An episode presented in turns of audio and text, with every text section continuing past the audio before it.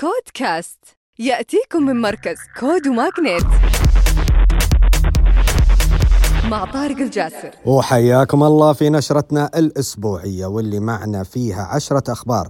نبدأها مع Axiom Space هذه الشركة الأمريكية تغلق جولة استثمارية Series C قدرها 350 مليون دولار. بقيادة الجزيرة Capital وتركز Axiom Space اللي تأسست عام 2016 على تطوير حلول لتمكين البشر من السفر للفضاء وبناء محطة فضاء تجارية بالتعاون مع ناسا. flyakeed المختصة بحلول السفر للشركات والأفراد. تغلق جولة استثمارية Series A بقيمة 57 مليون ريال. وجاءت الجولة بقيادة سنابل للاستثمار وشركة علم ومشاركة أرتال المالية والراجحي شركاء أما جمعية رأس المال الجريء والملكية الخاصة والشركة السعودية للاستثمار الجريء يطلقون سلسلة برامج تدريبية تطويرية لعام 2023 وتهدف البرامج لزيادة مستوى الاحترافية في قطاع الاستثمار الجريء والملكية الخاصة وزيادة العاملين واستقطاب المواهب للقطاع. أما منصة نبيه للخدمات المنزلية حسب الطلب تطلق خدماتها المالية للعملاء وتتوسع إلى ستة مدن سعودية وتسعى المنصة اللي تتخذ من الرياض مقرا لها إلى تغطية عشر مدن أخرى خلال الفترة القادمة ومن ثم التوسع إلى عشرين مدينة إضافية في منطقة الشرق الأوسط.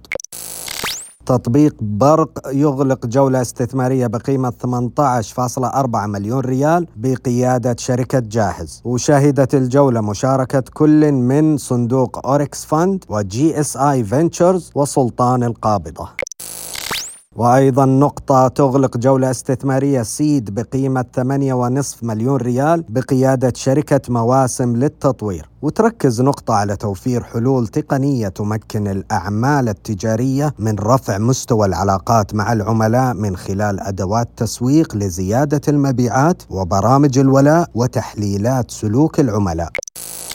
أما لبيه توقع شراكة استراتيجية مع مرسول لتعزيز الرفاهية النفسية لمنسوبيها. تهدف الشراكة إلى رفع جودة الحياة الوظيفية وتوفير الدعم للأفراد في بيئة العمل عبر تقديم العديد من الخدمات المتبادلة والمزايا لموظفي الجهتين.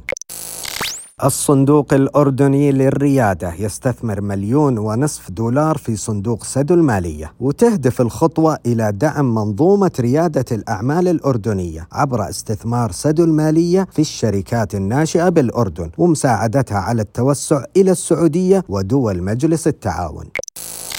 أما شركة IoT squared التابعة لمجموعة stc تستحوذ على Machines Talk المتخصصة في حلول وتقنيات إنترنت الأشياء. سيعزز الاستحواذ من حلول وتقنيات IoT squared الموجهة للمدن الذكية والتنقل الذكي والخدمات اللوجستية.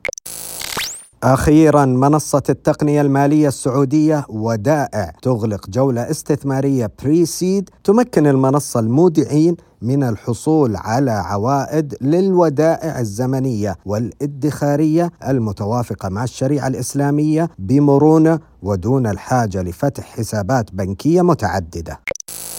ختاما تذكروا أن الابتكار هو أصل الريادة. كودكاست